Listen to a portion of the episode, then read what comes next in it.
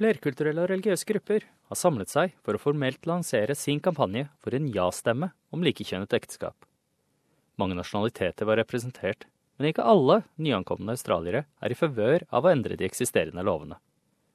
Mer enn 100 personer samlet seg utenfor Victorias parlament i navnet til lik rett til ekteskap.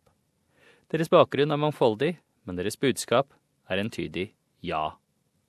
Judy Tank er president for det australske flerkulturelle LGBTIQ-rådet, og sier at det er en ubestridelig empati mellom nyankomne og de hun representerer.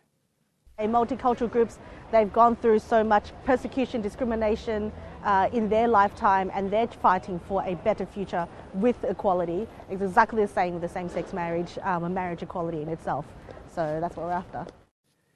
Joe Caputo representerer Federation of Ethnic Communities Council of Australia, og sier en ja-stemme handler om Australia. moving uh, towards you know the you know uh, you know uh, with all the other equal uh, liberal democratic society that have actually legislated to you know to make uh, marriage uh, equality you know for everybody Religiøse ledere, politikere og studentgrupper ga sin støtte til saken. En beslutning fra New South Wales jødiske styre som støtter ekteskapslikestilling, resonnerer med Saul Burston fra Australasian Union of Jewish Students. it's the right thing to do. It's it just makes sense.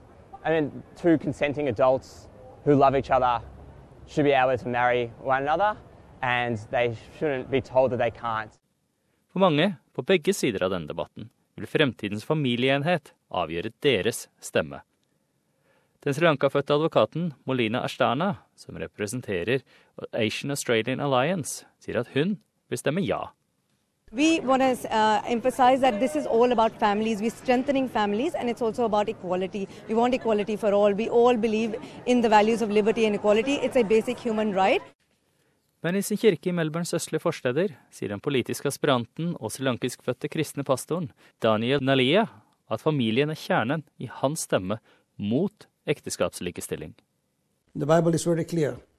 A man and a woman was created to come together with reproductive organs so that they could multiply and produce children.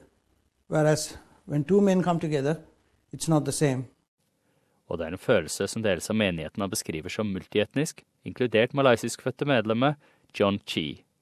Well, if they want to live together, but don't make it a law that affects everyone the, in the country.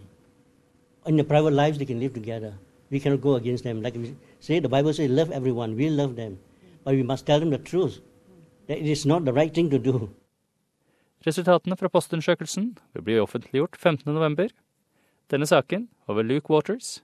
Jeg er Frank Mathisen, og du hører på SBS norsk.